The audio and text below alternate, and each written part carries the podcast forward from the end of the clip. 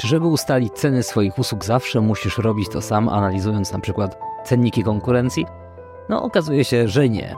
W tym odcinku razem z Bartkiem na tapetę bierzemy biznes pricingowy na podstawie analizy firmy Pricing.io, której przychody w ciągu zaledwie 3 lat doszły do 250 tysięcy dolarów miesięcznie i w tym momencie pomaga ponad 100 firmom rocznie ustalać ceny swoich usług. Słuchaj uważnie, bo dowiesz się, jak można taki biznes stworzyć w polskich warunkach i jak skutecznie docierać do klientów zainteresowanych takimi usługami. A, no i mniej więcej w połowie odcinka Bartek ma specjalne ogłoszenie dla naszych słuchaczy, no i szkoda byłoby, jeśli je przegapisz. Dzień dobry, Wiktor. Dzień dobry Państwu. Dzień dobry, Bartek. Dzień dobry Państwu. Witamy Was serdecznie w drugim odcinku z serii feriowo-zimowej. A, tak właśnie czekałem, jaki to jest drugi odcinek z serii, ale tak, no z... Tak, Bartek jest na wakacjach zimowych, na worktation, więc można to zakwalifikować jako zimowe ferie. U, po, powiedziałeś worktation, to jak work nation. jak, jak, to się mówi? Co ty tam workation. Bartek Workation. Tak, tak, czyli e, rodzina wypoczywa, ja pracuję. I jak się to sprawdza?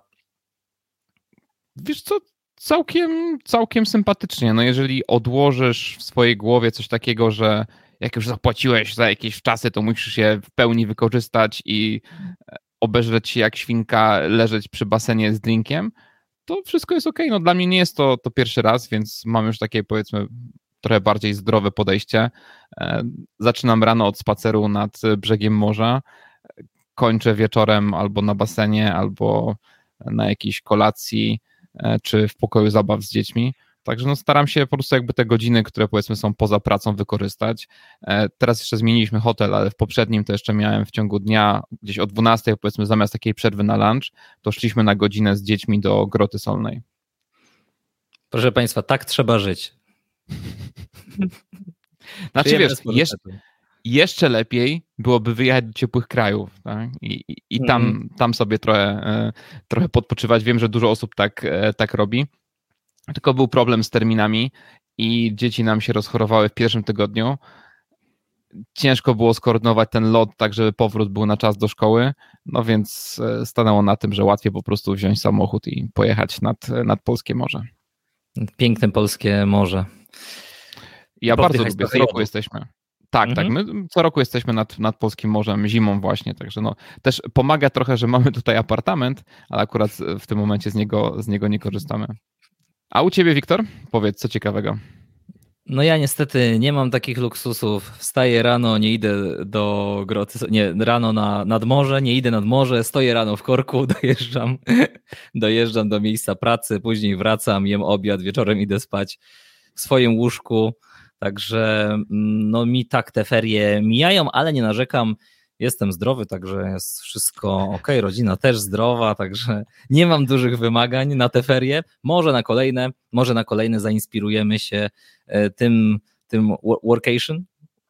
Teraz są, e, teraz chyba w kwietniu są bardzo tanie loty do Dubaju.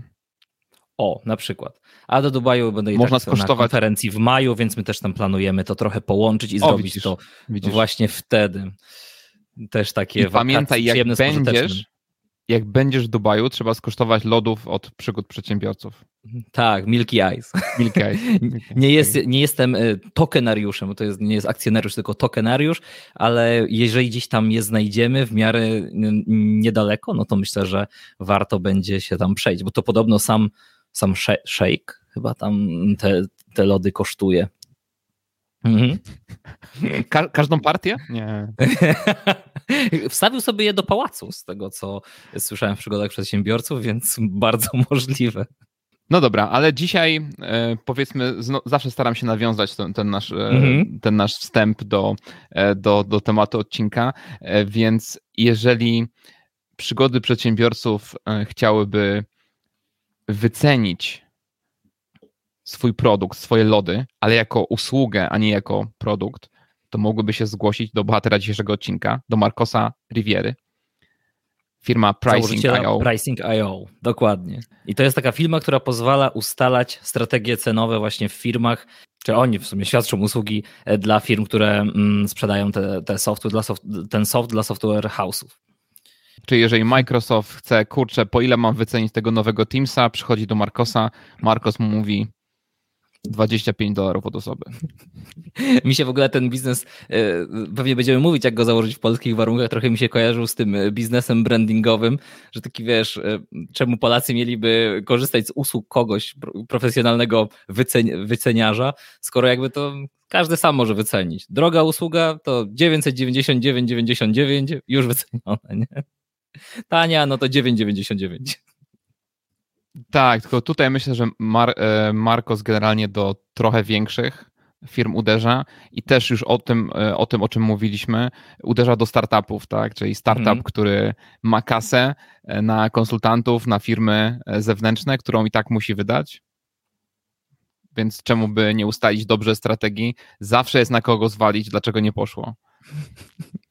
A ja właśnie miałem ciekawostkę, właściwie, mm, ale bardzo mocno związaną z, z tematem, bo a, a propos jeszcze przygód przedsiębiorców, bodajże w, w jednym z odcinków Szymon Negacz Mm, z Sellwise dawał taką radę pricingową, jak ustalać właśnie wycenę. Jeśli robisz właśnie wycenę, to ta cena, on mówi, że musi po prostu skądś pochodzić i nie być taką arbitralną liczbą, czyli, no już daję przykład, y, jeśli wyceniasz jakąś usługę, to niech to nie będzie równe powiedzmy 1000 zł, tylko mm, powiedz na przykład 974 zł 25 groszy. I to daje już takie przeświadczenie, że coś tam było liczone, możliwe, że w ogóle było liczone, ale nie jest to taka po prostu liczba z czapy. Mhm, tak, czyli to jest tak samo jak z kłamstwem, tak? Im bardziej precyzyjne kłamstwo, tym bardziej wiarygodne. Bardzo możliwe. No, to, to, to, to, to, ale widzisz, zostało to ze mną. Mm, także ciekawy koncept. Tak, to, to ja pamiętam też, jak e, próbowaliśmy się dostawać do barów i klubów, które były od 18 roku życia, to nie mogłeś powiedzieć, że masz 18 lat. Ty masz 18 lat 4 miesiące, miesiące. albo 3 miesiące. Działa ta zasada w różnych, w różnych y, y, aspektach życia. To przejdźmy do naszego bohatera Markosa. Tak jak mówiliśmy, firma mm, już dość duża, bo współpracuje ze 106 firmami. Mm, tyle firm skorzystało z ich pomocy. W ciągu dwóch właściwie, lat. Mhm. Właściwie 106 on mówił w zeszłym roku, czyli tak jak możemy powiedzieć, że około 100 rocznie korzysta, e, korzysta mhm. teraz z ich usług. A, okej. Okay. I w ciągu dwóch lat dwukrotnie powiększyli swój zespół, bodajże z tego co pamiętam do 10 osób, mm, ale potroili w tym samym czasie swoje przychody do 250 tysięcy dolarów miesięcznie. Tak, i marża z tego, co mówił, to jest e, między 25, w zależności od projektu, między 25 a 50%. Także fajna marża. Nie taka znaczy, jak tak je, powiem... jedna z bohaterek naszego odcinka, która miała chyba 90% marży. No właśnie powiem ci, że, że i tak myślałem, że ma większą marżę, no bo tutaj kosztem są tak naprawdę pracownicy. Mhm. E, więc może po prostu dobrze im płaci. mhm. Jak to się w ogóle wszystko zaczęło? Skąd się taka firma bierze? No właśnie tutaj, tutaj chciałem o tym zacząć mówić, że początek hmm. ma już w latach 90., ale to nie firma, tylko Marcos, bo sama firma hmm. istnieje tam od trzech czy od czterech, czy od trzech i pół roku, żeby, żeby być jak najbardziej dokładnym. Więc e, Marcos pracował w latach 90., zarządzał różnymi produktami, projektami i tak naprawdę ta wycena SaaS-ów, czyli Software as a Service, to był produkt uboczny, e, gdzie po prostu pracował już, e, czy startował 40 różnych produktów właśnie sasowych, no i musiał sam się nauczyć, jak to, jak to wyceniać i zrobił sobie tam jakiś, jakiś framework. Później na, e, na, na podstawie tego swojego doświadczenia dołączył do Vista Equity Partners, gdzie zajmował się już stricte wyceną i tam znajdowało się 60 firm, znowu SaaS w portfolio no i on był odpowiedzialny za strategię monetyzacji we wszystkich tych firmach. Także mówimy już przynajmniej, że wyceniał, e, wyceniał produkty, czy wyceniał, wyceniał w, e, przynajmniej w 100 firmach.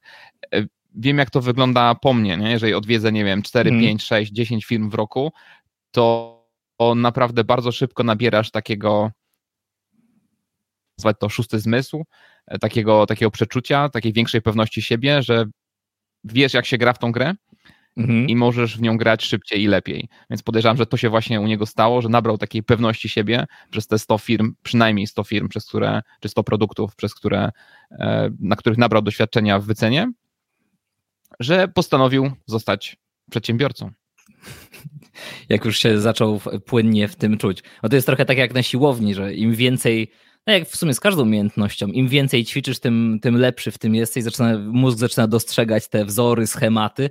No i Marcos, tak jak mówisz, zrobił chyba już tyle powtórzeń na tej e, pricingowej siłowni, że został prawie takim pricingowym pudzianem. Jego biceps I to mu do... Pricingowy biceps. No i, i dzięki temu mógł e, przejść na swoje. Tak, właśnie nie wiem, czy czytałeś, on tutaj y, jedną z lepszych antyreklam przedsiębiorczości e, z, wygłosił, jaką, jaką słyszałem. Okej, okay, którą dokładnie? Mm, Entrepreneurship Jak... is not an easy path, but that's the point. Czyli przedsiębiorczość A, okay. nie jest prostą ścieżką, ale to jest, o, o to właśnie w tym chodzi, że powinno być trudno, niekomfortowo, strasznie, powinno ci to e, niszczyć nerwy, i powi e, powinno cię to konsumować w całości. Powinieneś być e, wrażliwy, w bardzo wrażliwej pozycji, e, również wrażliwy uczuciowo, finansowo i powinieneś czuć wrażliwość czy, czy wpływ na swoją przyszłość. Kurczę, jak to, jakbym tak, tylko ten, ten fragment przeczytał, no, no, właśnie mówię, jakbym tylko ten fragment przeczytał, mówię, kurde, po co? Po co?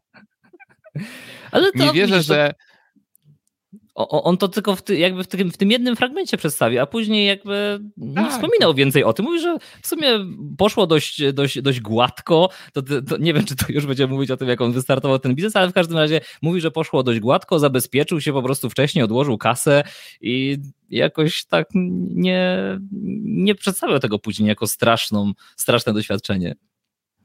Nie, dla niego, dla niego bym nawet powiedział, że było to wyjątkowo miękkie, bo pierwszego klienta chyba zdobył nie po tygodniu czy po dwóch. Tak, od razu praktycznie. I to też nie, nie było zasługą szczęścia, tylko jakby miał już kontakty po prostu wcześniej wyrobione, pracując w tej branży tyle lat, więc no raczej z jego perspektywy, starając się postawić po prostu w jego skórze, no to raczej nie, nie wiem, czy byłbym aż tak przejęty i roztaczał takie y, scenariusze z horroru. Wiesz, masz no, mega to, duże to. Jego, jego wypowiedź. to właśnie. No a może, może tak to, na to się nastawił, a wyszło, wyszło lepiej, gładko. No może znaczy, gładziej. Wiesz, też, też zaczynał jakby, w, e, właśnie mam wrażenie, że im więcej zarabiasz, to tym bardziej umieszczasz siebie w takiej złotej klatce. Mhm, bo nie chcesz stracić bo, z tego, co już masz.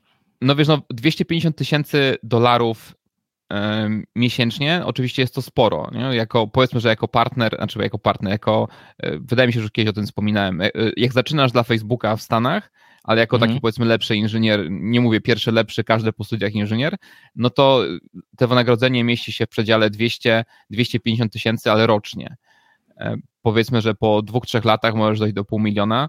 Jako partner w takiej, w takiej firmie, nie wiem czy w takiej wielkości jak Vista Equity Partners, ale w firmie, dużej firmie konsultingowej możesz wyciągnąć około 5 milionów dolarów rocznie.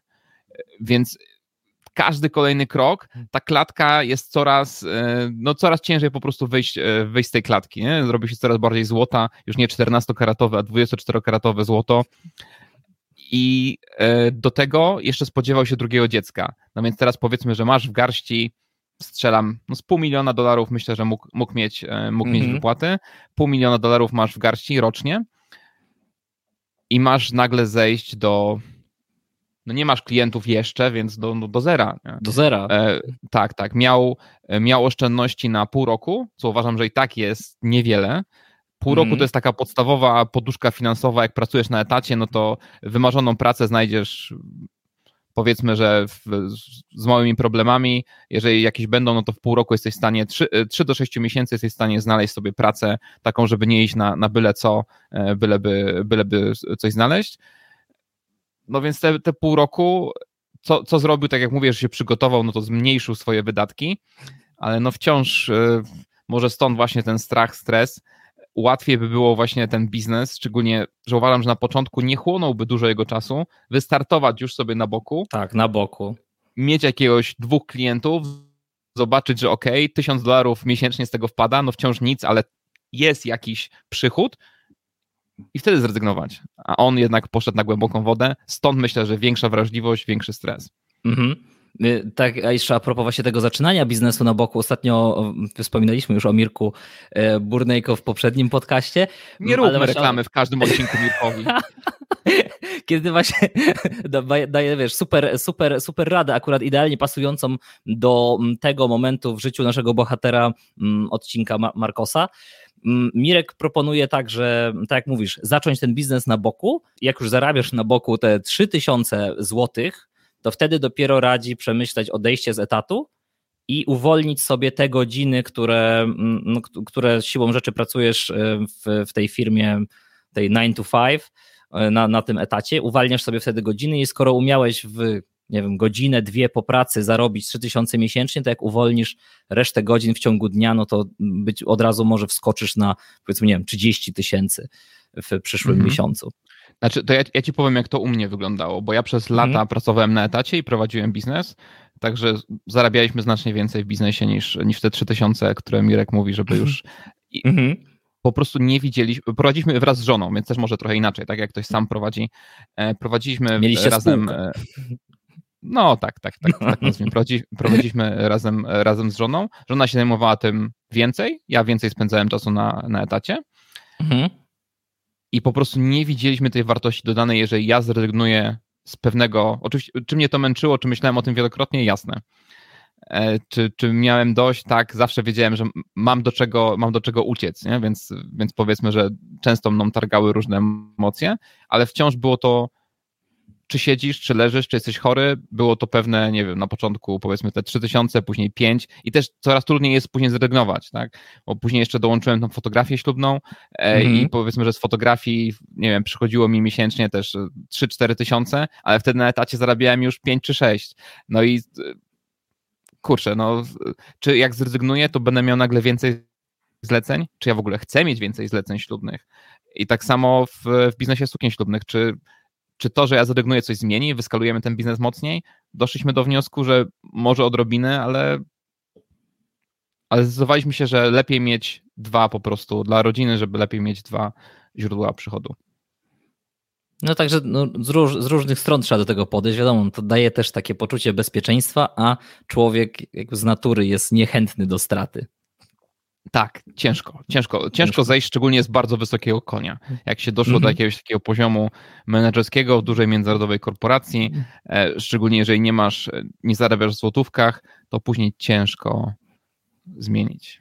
No i pytanie, jaki styl życia prowadzisz, nie? Bo czy, jeżeli wiesz, to czy będziesz zarabiał 250 tysięcy, a wydawał, nie wiem, dalej 5 tysięcy, no to, to, ten, to ten styl się nie zmieni, nie? Ale jeżeli zarabiasz 250, wydajesz, nie wiem, 200, to jest już problem. I tu dał ciekaw, w ogóle ciekawą radę, czy dla mnie taką dość oczywistą, że odseparowuje konta firmowe od prywatnych mm. w momencie założenia firmy. To, że to jest świetny pomysł i tylko nie wyobrażam sobie tego nie zrobić, żeby to wszystko było w jednym worze. Ale wiem, podejrzewam, że część osób może tak robić. Znaczy, teraz mi się wydaje, że już.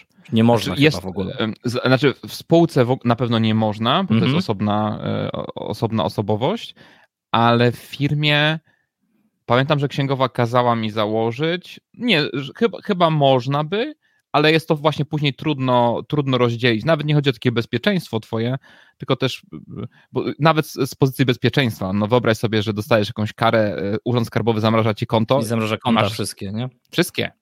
Zero, tak. nic. Masz jedno, masz, masz jedno w sumie, nie? No, ma, masz jedno, no i, i zostajesz, zostajesz w tym momencie z niczym i na przykład zamraża cię je na trzy tygodnie, albo na miesiąc, a może na pół roku. Mhm.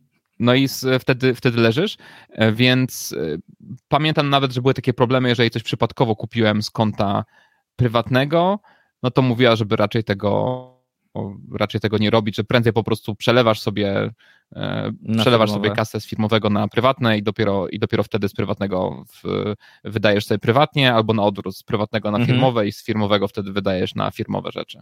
Ale tak, dla ciebie to jest oczywiste, Wiktor, bo czytałeś finansowego ninja. Też prawda, też prawda. Okej. Okay. To co, przejdźmy może do tego, jak ten biznes w ogóle wystartował. Mówiliśmy już o tym, że wystartował e, jeszcze częściowo, że pierwszy klient już pojawił się w pierwszym tygodniu mm, działalności i to też nie był przypadek, nie było to, to szczęście, tylko siła budowanego przez laty networkingu. Bohater naszego odcinka odezwał się do tej e, sieci, do swoich znajomych na LinkedIn no i nie pytał bezpośrednio o współpracę, tylko tak się elegancko przypomniał, że cześć, co tam słychać, jestem Markus i odchodzę z poprzednich firm. No i tak tylko chciałem zapytać, czy co tam u was słychać?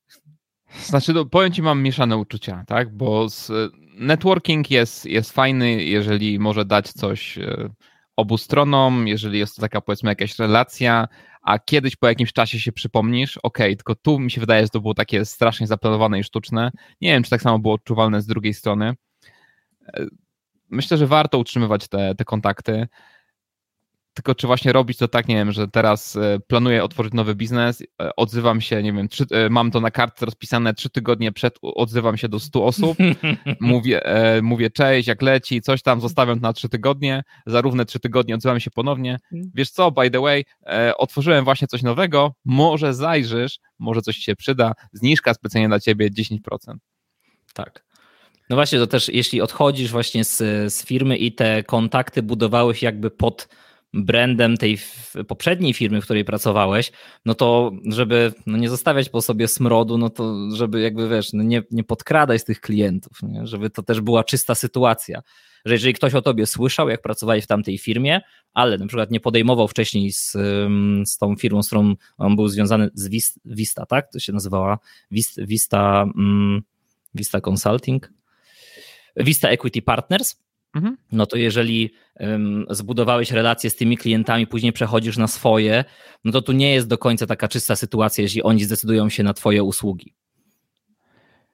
Znaczy tak, tylko że z tego co zrozumiałem, to on Vista Equity Partners, on nie świadczył usług na zewnątrz, on świadczył usługi mhm. wewnątrz tym 60 firmom, które... Które, aha, które, które wchodziły po prostu w tej Vista, tak, Vista Equity. Tak, tak. Okej, okay, w ten sposób. Okej, okay, to wtedy może jest ta, może jest ta Więc... sytuacja czystsza. Tak, tutaj akurat y, myślę, że nie było jakiejś takiej zdrożności. Oczywiście trzeba uważać też, co mamy napisane w umowach, jakie tam zakazy konkurencji, co tam na, na, jaki, na jaki okres czasu e, się, się pojawiają. E, ale tak, jeżeli chodzi o początek, to tak jak, tak jak mówiłeś, e, już te 6 miesięcy wcześniej odnawiał kontakty networkingowe, stworzył stronę na Wix za 50 dolarów. Wix to jest ten taki generator, nie wiem czy kojarzysz. Bardzo no, już, już, mówiliśmy go lat temu. U, u nas mówiliśmy. w odcinku w ogóle już się chyba z cztery razy pojawiał. Ja nie wiedziałem, że to jest aż tak Dobra. popularne. Szczerze mówiąc, myślałem, że to y, y, jest jeszcze taka konkurencyjna firma, ale to działa na tej samej zasadzie. U nas trochę tak, no z, kloc, z klocków mm. układasz Klock, stronę. Divi chyba to się e, nazywa na WordPressie. No jest, jest, jest tego parę. Pierwszy klient pojawił się po tym, po tym tygodniu. No i z, rozpoczął działalność. Niestety tutaj mamy, mamy małą dziurę w danych, bo nie pokazuje tego, tego przyrostu, jak zwykle pokazujemy, e, więc znamy tak naprawdę wynik, nie chcę powiedzieć końcowy, bo ta firma wciąż się może świetnie, świetnie rozwijać, ale po trzech latach od, od rozpoczęcia, czyli nie widzimy, czy w pierwszym roku e, zarobił, no jeżeli się nie chwali, no to powiedzmy, że zarobił na, na życie, w drugim powiedzmy, że zaczął, zaczął już zatrudniać ludzi, no i powiedzmy, że zatrudnił ich pięciu, no i w trzecim roku, bo mówi, że w trzecim roku podwoił, więc podejrzewam, że zatrudnił kolejnych, e, kolejne pięć osób plus pięciu freelancerów. Mhm. No w międzyczasie jeszcze chodzi na te konferencje branżowe, walidować swój pomysł biznesu. Tylko właśnie nie rozumiem, że on jakby już odszedł, miał tą stronkę i dopiero chodzi mhm. walidować pomysł. Tak, tak. Dlatego nie, mówię. No nie... Czy nie lepiej było to zrobić wcześniej? Stąd, stąd właśnie trochę, e, trochę więcej stresu podejrzewam, że, mhm. E, że miał, nie? że no nie zrobił wielu rzeczy, które mógł spokojnie, na które na pewno miał czas, bo nie wierzę, że nie miał czasu pojechać na dwie, trzy konferencje i, i pogadać z ludźmi, którzy mogą potrzebować jego usług. Mhm. Także te konferencje swoją drogą, ale tak na dobrą sprawę, dopiero w momencie, jak zaczął publicznie pisać e, w socjalach o rozwiązywaniu problemów, bardzo możliwe, że na LinkedInie, o rozwiązywaniu problemów pricingowych e, lub e, problemach w tworzeniu bundli, czyli tych takich pakietów zakupowych, no to wtedy dopiero ruszyła ta lawina klientów i umożliwiła mu ten wzrost, czyli generalnie content marketing. Mhm. Tak, ja nie wiem, czy czytałeś, ja wchodziłem na ich, na ich LinkedIna, czytałem te, e, te posty, no, no nie wiem, no niczym jakimś spektakularnym się to, się to nie wyróżnia, no ale rozumiem, że wystarczy, wiesz, pisać ciągle, nie wiem, codziennie, mhm. co, kilka razy w tygodniu e, i pokazywać, że wiesz o czym, o czym piszesz, dawać przykłady i dawać też, o czym on tutaj pisze, dawać się wypowiadać twoim, twoim klientom na twój mhm. temat. Dokładnie, to chyba nawet Tim Ferris kiedyś mówił, że nie zna nikogo, kto robił coś przez 10 lat, dzień w dzień i nie odniósł w tym sukcesu. ale widzisz, mam tutaj, e, nie, nie, konsultowaliśmy tego wcześniej, okay. ale mam, e, mówimy o LinkedIn dosyć często. Mhm. I teraz jest kurs na platformie Mirka, którego tak chętnie tutaj e, wspominamy jest kurs o LinkedIn, który, jeżeli ktoś napisze pod tym filmem komentarz, możemy chętnie wypożyczyć na dwa tygodnie, całkowicie legalnie. Możemy, jest to za pomocą NFT. E, kurs, e, kurs na LinkedIn e, w dwa tygodnie, jeżeli chcecie poprawić swoją markę osobistą, jeżeli chcecie stworzyć swój brand, polecam. Podobno bardzo dobry. Ja jeszcze nie przerobiłem. Ja jeszcze też nie, ale jeżeli, tak jak Bartek mówisz, ktoś będzie chętny, to dawajcie znać w komentarzach i udostępnimy. Super. Więc rady od, od Markusa, nie wiem, czy wy, wynotowałeś sobie. On tutaj tak, to takie rady są już raczej właśnie po tych kilku, po tych kilku latach, które, które do tego doszły, nie, nie z początku biznesu. Właśnie o tym daj swoim klientom możliwość wypowiedzenia się, oceny ciebie publicznie, przyznawaj się, jak czegoś nie wiesz. Mhm. Ekspert nie musi być wszechwiedzący. Tutaj uważam, że jest to, jest to naprawdę istotne, bo wielokrotnie, wielokrotnie widziałem ludzi, którzy mają największe ego w pomieszczeniu i nawet jeżeli popełnili jakiś błąd, czy czegoś nie wiedzą, no to obrócą sytuację tak, że nie, nie, nie, nie, nie. Ja może mam rację. trochę inną wiedzę, tak, ja może mam trochę inną wiedzę niż ty, ale na pewno mam rację. Mhm. Ja, ja, bym do tego też ostatniego fragmentu dorzucił, on tu też tak ładnie napisał, że musisz dawać swoim, swoim e, słuchaczom, swoim odbiorcom małe kęsy tych informacji, żeby były łatwostrawne. Nie możesz ich przytłaczać właśnie zbyt dużą ilością informacji, bo ludzie chłoną, chłoną content głównie w przerwach między dużymi zadaniami, dlatego jak najmniejsze kęsy, czyli na przykład jeżeli robisz wpis na, na LinkedIna, na LinkedIna na 3000 słów, no to zamiast jednego dużego wpisu zrób 10 po 300 słów na przykład. Mhm. Jak to się ma do naszego podcastu? Mm, to musimy pociąć na mniejsze klipy. I to robimy I to jest na do... TikToku. Dokładnie. O, właśnie. Można jeszcze zrobić, wy, wyszczególnić takie mm, trochę dłuższe klipy i wrzucić je na YouTube, ale to tak głośno myślę. Okej, okay. no nie, chcia, chciałem właśnie tak cię skonfrontować i zobaczyć, czy, e, czy, czy szybko pomyślisz o, o tym, e, jak można to poprawić. Według rady oczywiście, zakładając, że ta rada jest, jest prawdziwa, tak? Bo nie mówimy, czy, mhm. czy tak robić, czy nie robić, ale no tak, tak Markus e, tutaj twierdzi. Przeglądając wpisy na LinkedIn, czy widząc na, nawet sukcesy na, na samym Twitterze, tak? No jest to jest to według mnie mimo wszystko dobra porada, bo ta uważność widza zmniejsza się z roku na rok. Tak, było w ogóle badanie takie bardzo niepokojące odnośnie młodzieży, która właśnie jest coraz bardziej przyzwyczajana do tych krótszych, krótszych treści, takich bardzo szybkich, typu TikTok czy YouTube Shorts. I niestety są, jest zła wiadomość dla ogólnie ludzkiej populacji, że już złota rybka ma dłuższy Mm, dłuższy czas utrzymania uwagi niż statystyczny amerykański szesnastolatek. No kiepsko. Kiepsko. Dobrze dla złotej rybki, ale nie wiem, czy jest tu się z czego cieszyć. No tak.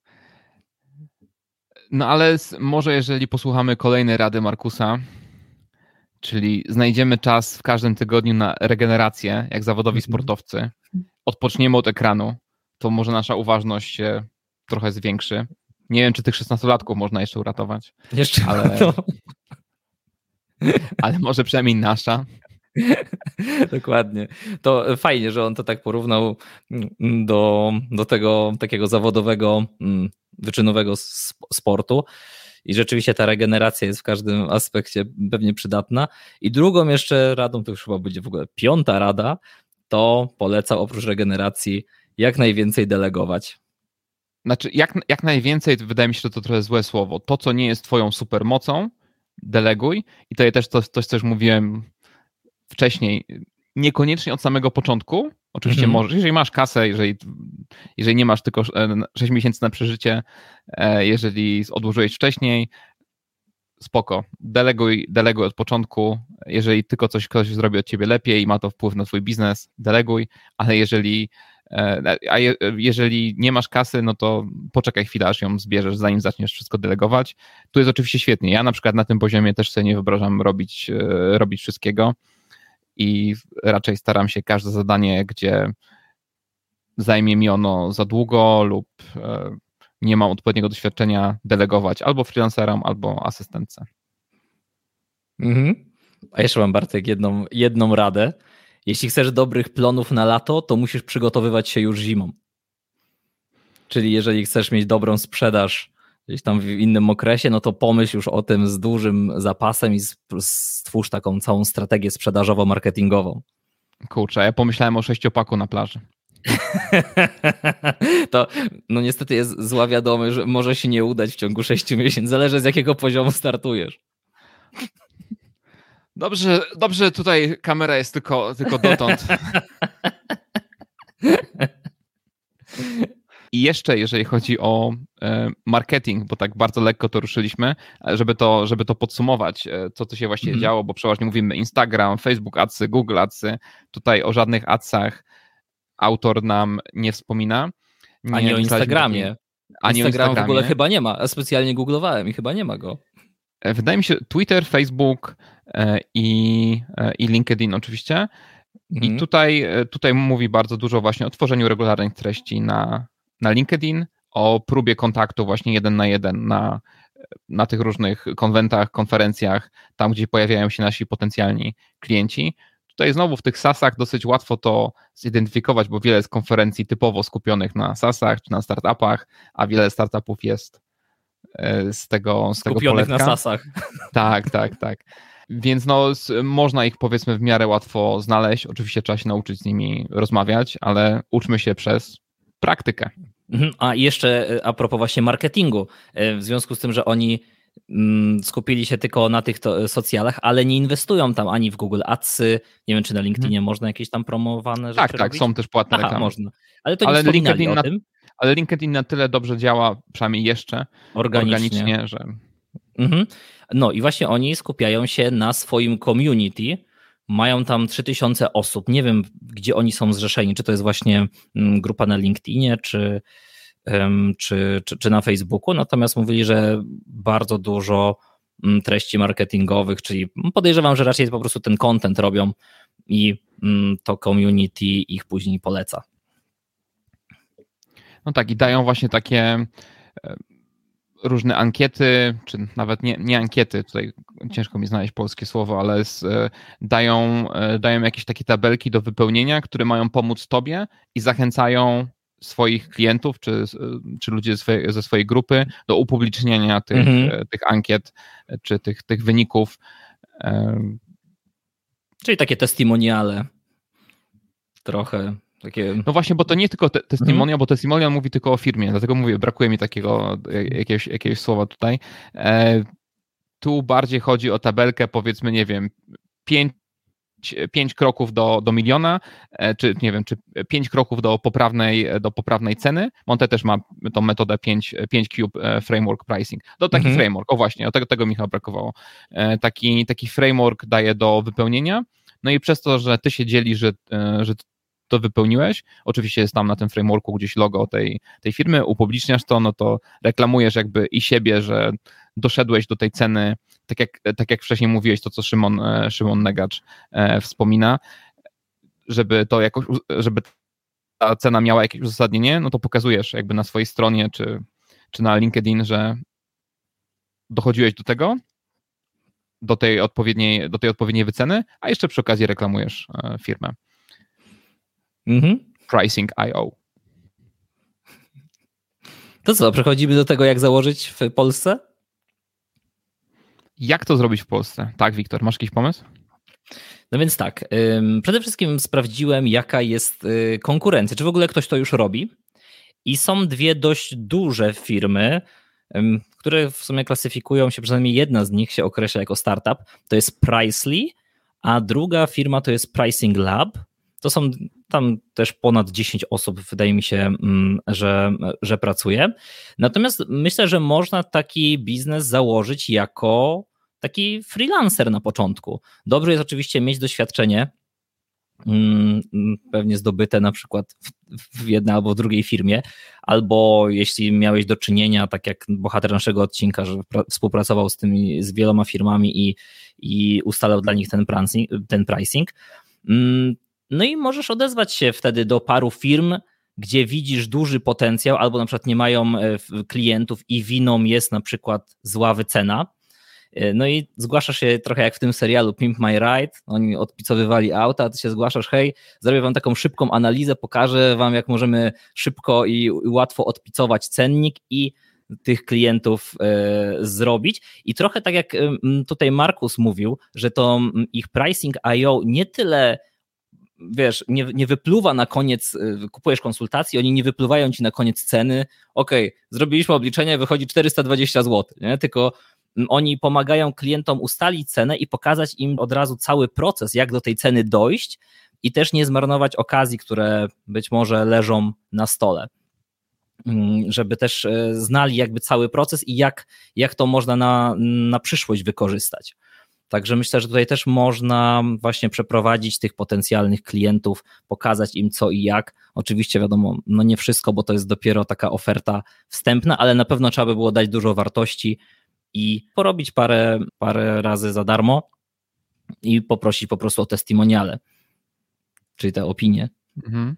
Albo też no zrobić ja... taki arkusz i poprosić o, o, o, o podzielenie się z tym. Mhm. Znaczy te, te opinie, o których wspomniałeś, na pewno są ważne. Znalezienie tych klientów oczywiście, oczywiście też bardzo ważne.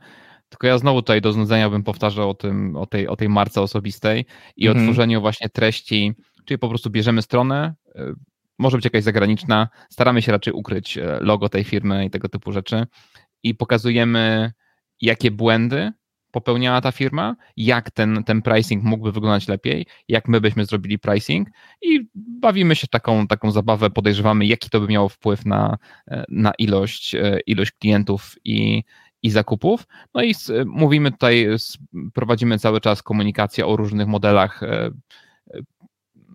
modelach wyceny, czyli mamy na przykład, e, że mamy wycenę, e, wycenę etapami, tak? Czyli mamy to, to, to, co się pojawia najczęściej, no to masz wersja darmowa, e, mhm. wersja premium, wersja founder, tak jak w newsletterach czy, czy w czymkolwiek.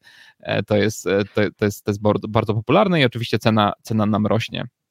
Możemy mieć flat rate dla, dla wszystkich, czyli tą, tą stałą, stałą stawkę, czyli nasz abonament zawsze kosztuje, nie wiem, 9,99. Mhm. Możemy mieć freemium, Czyli tak jak masz e, tak, to, co, to, to Spotify robi, że masz darmową wersję, z której ja cały czas korzystam.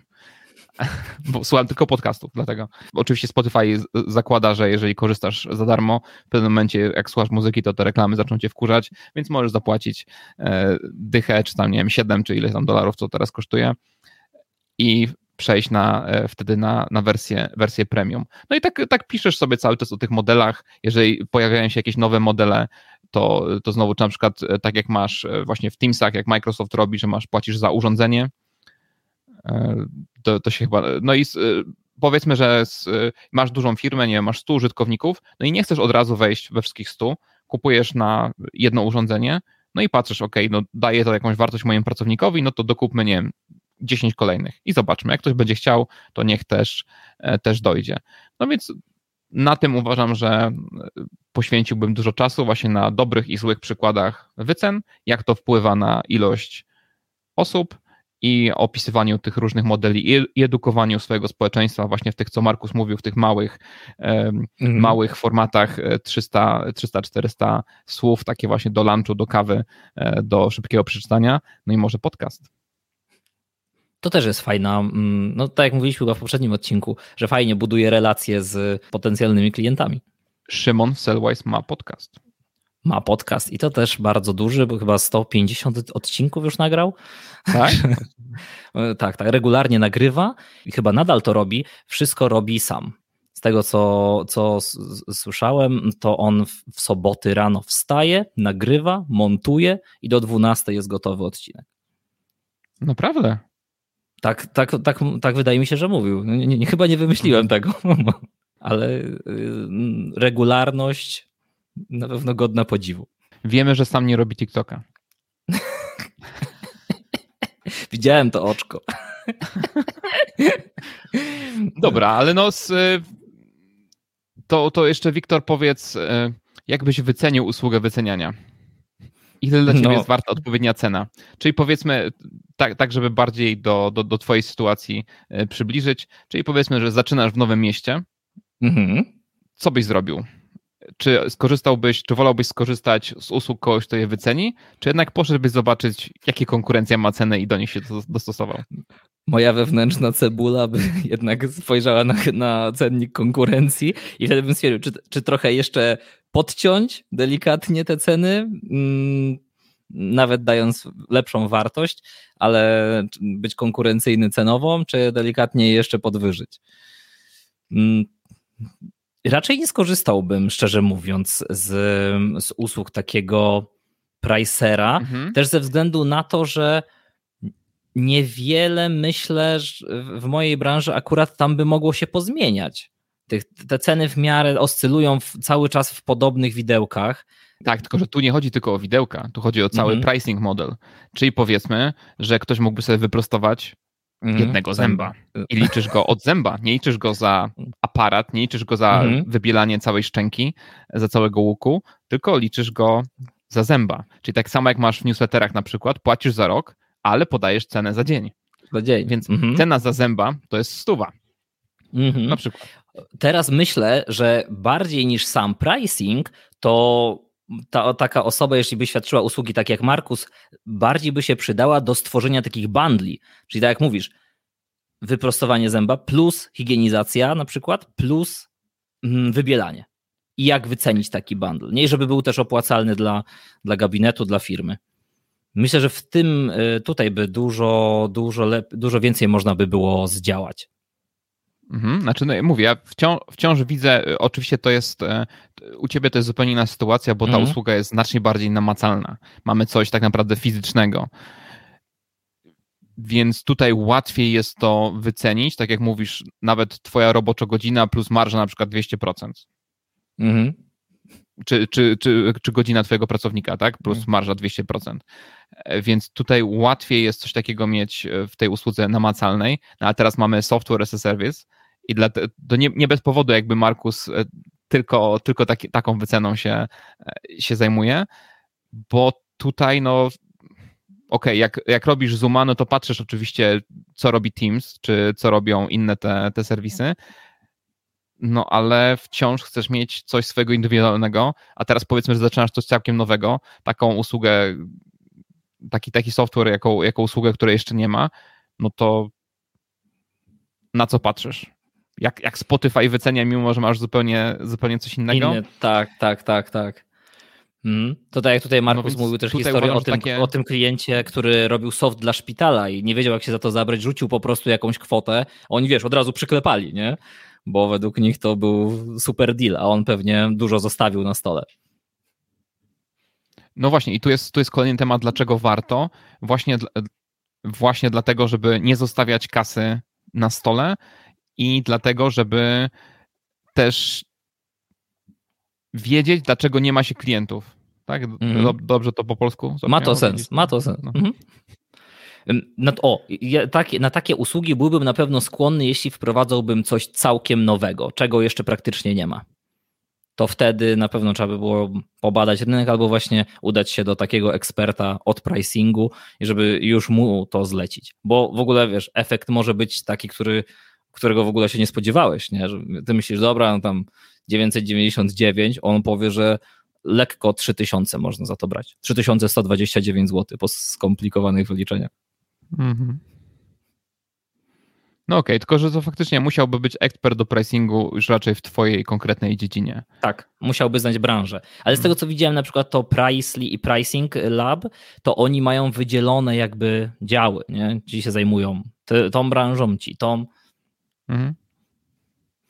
Znaczy ma to sens. No ja wiem, jakbym, jakbym to zrobił, jakby, znaczy to, na pewno porównywałbym się z konkurencją, nie? Także, z, znaczy jeżeli mi, mi, mi, jako freelancerowi to zadanie zostało zlecone, no to zbierałbym po prostu oferty z rynku i patrzył, co się, co się na rynku dzieje i jak mój produkt czy moja usługa wygląda względem, względem tego, nie? Czyli porównywał pełen, e, pełen pakiet. No, bardzo często robię to od jakby drugiej strony, tak? Mhm. Ja raczej działam po stronie zakupów, więc widzę, nawet jeżeli mamy e, w tych, w tych sasach właśnie ktoś nam daje, nie wiem, usługę jakąś komunikacyjną i plus tam dorzuca, nie wiem, 5, 5 giga dla każdego użytkownika w chmurze, e, no to i później to porównujesz, tak? Jedni dają 5, drudzy 10, a drudzy dają jeszcze coś innego, a tutaj powyżej 100 użytkowników masz e, zniżkę 10%, więc teraz znowu musisz sobie przeliczyć, ok, no wychodzi mi 99, więc teraz może opłaca mi się dodać dwóch użytkowników duchów, których zatrudnię w najbliższym roku, bo już będę miał 10% na całości taniej. No z,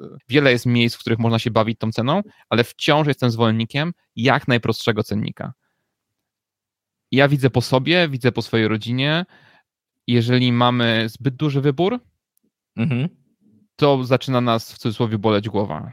Zastanawiamy się nad tym zbyt długo, a, a może jednak wezmę premium, a może jednak wezmę wydanie e, fizyczne i cyfrowe, mimo że tego cyfrowego nigdy nie otworzę, no ale cena jest praktycznie taka sama, jeden dolar różnicy, no po co w ogóle, e, więc no pełno takich właśnie niuansów. Oczywiście, jeżeli masz e, trzy, trzy, e, trzy wyceny, trzy wyceny to jest dla mnie najprostszy model, gdzie dosyć szybko mogę podjąć decyzję, a jeżeli mam całe menu, cztery strony, kurczę, tutaj taki użytkownik, premium, freemium, sremium, to, to ja, ja zaczynam już analizować to zbyt mocno. No ale to właśnie, tak jak mówisz, że te, te trzy pozycje są takie kluczowe z punktu widzenia ekonomii behawioralnej, bo dąży do tego, żeby wybrać zawsze środkowy produkt, Dlatego często ten drogi jakby nie ma uzasadnienia. On jest tylko po to, żeby podbić najdroższy i najtańszy, jest tylko po to, żebyś wybrał środkowy produkt ten najbardziej korzystny, nie? On się tak będzie wydawał, tak jak masz, nie wiem, frytki, y, duży zestaw w maku, tylko że tutaj akurat średni i najmniejszy istnieje po to, żebyś wybrał najdroższy, a frytek tak. dają podobno tyle samo. Mam nadzieję, że nie. Ja nie jem, także jest mi to obojętne. nigdzie się nie dokopałem do tego, ile taka... Wycena, wycena indywidualna. Indywidualna. Tutaj Zwłaszcza rząd... dla firm no tutaj wiesz, y, rząd, podejrzewam, że nikt nie będzie tego robił taniej niż 10 czy 15 tysięcy dolarów mm. czy za, za taką zabawę, bo jednak trochę tutaj spędzasz na jakimś modelu, na ankietach, na może na jakiejś grupie badawczej, e, bo to tak, tak się mówi tak samo jak z tą nazwą, nie? że to, to pyk, wygenerowałem tak. nazwę, albo czat, czat GPT wygenerował za mnie, za mnie 20 tysięcy nazw. I teraz proszę, wybierajcie. A ja każdą sprzedaję po 5 dolarów, no to tutaj, znowu odnosząc się do tego, co wspomniałeś, co Szymon mówił, no to żeby uzasadnić tą cenę, no to faktycznie jakieś badanie, trochę więcej pracy będzie to, będzie to kosztowało.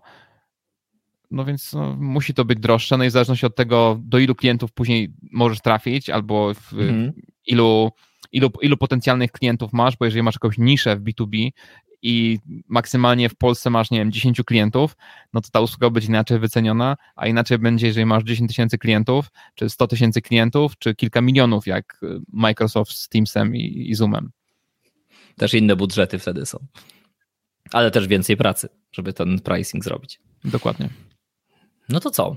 Chyba mamy wszystko. Możemy tutaj ładną klamrą to wszystko spiąć. Dzięki Wiktor, dziękuję Państwu. Dzięki Bartek, dziękuję Do usłyszenia Państwu. za tydzień. Dokładnie. Cześć. Cześć.